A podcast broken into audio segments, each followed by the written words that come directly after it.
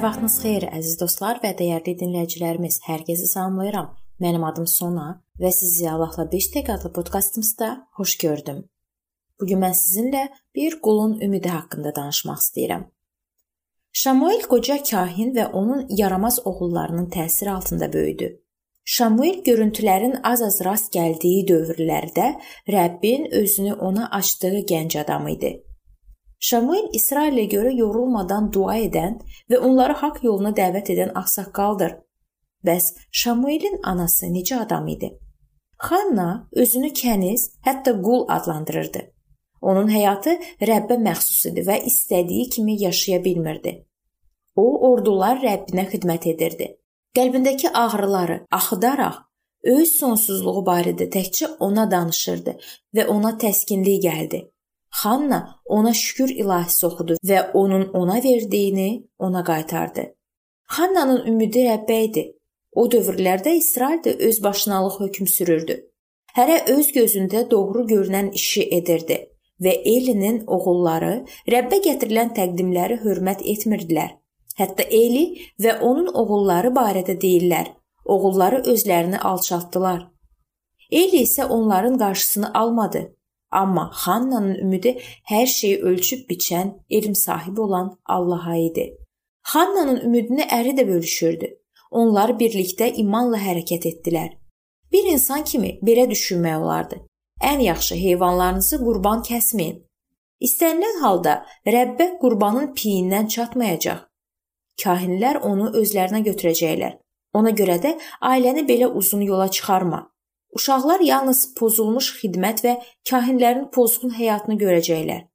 Lakin onlar imana əsaslanaraq dedilər: "Bunu Rəbb əmr edib və bütün ailəmiz bu işdə iştirak edəcək." Allahdan qorxan ananın düşüncələri belə ola bilərdi. İstənilən halda balaca oğlumu burada qoya bilmərəm. Ola bilsin böyüyəndə və vəziyyət düzələndə Rəbbə hansısa şəkildə xidmət edə bildi. O isə inanırdı ki, oğlu öz məqsədlərinin yolu ilə gedəcək. Hannanın ümidi öz şəxsi məsuliyyəti ilə sıx bağlı idi. Gələcək nəsillərin həqiqi imanının olması üçün o və əri, həmçinin digər mömin valideynlər öz övladlarına bunu uşaqlıqdan aşılamalı idilər. Ona görə də Şamuelə Allah sitayiş etməyi və valideynlərinin tapşırığını etməyi öyrətdilər. Onlar hər il Şiloya gedib qurban kəsirdilər və hər il Xanna Şamuel üçün paltar tikirdi. Xannanın ümidi gələcək nəsillər üçün nəzərdə tutulmuşdu. Biz öz balaca uşaqlarımızdan belə ayrılığı yaşamamışıq və hər il yola çıxmazdan əvvəl Xannanın ürəyinin necə həyəcanlandığını yalnız təsəvvür edə bilərik. Görəsən Şamuelin başına bir iş gəlməyib ki, deyə qadın narahat olurdu. Ola bilsin ətrafdakıların ona mənfi təsiri olduqca güclü olsun. Əlbəttə müəyyən dövr gələndə Hanna Şamuelə nə üçün məbədə verildiyini və Allaha vədi haqqında danışıb. Böyüyəndən sonra Şamuel bu vədi rədd etsəydi, nə olardı? Lakin hər bir balaca üz geyimi Şamueli anası və qadının ümidi ilə bağlayırdı. İllər keçdikcə Xanna ümidinin necə doğrulduğunu görürdü. Xannanın ümidi nə qədər uzaqlara yayıldı. Şamuelin nüfuzu bütün ətrafa yayıldı. Hakimlər dövrünün sonundan Şallun çətin padşahlığından Davudun dövrünə qədər İsrail qaranlıqda və bütpərəstlikdə yaşayan çaşqın bir xalqdan Davudun ilahi rəhbərliyini axtaran vahid xalqa çevrildi.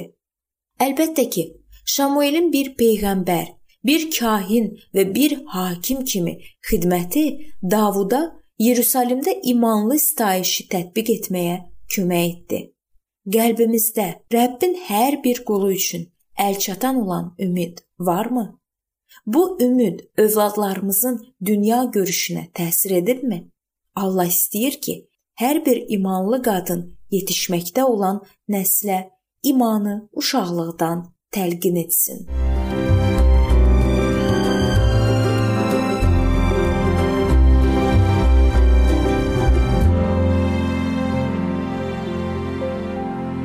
Belə əziz dostlar, bu vacib mövzu burada sona çatdı.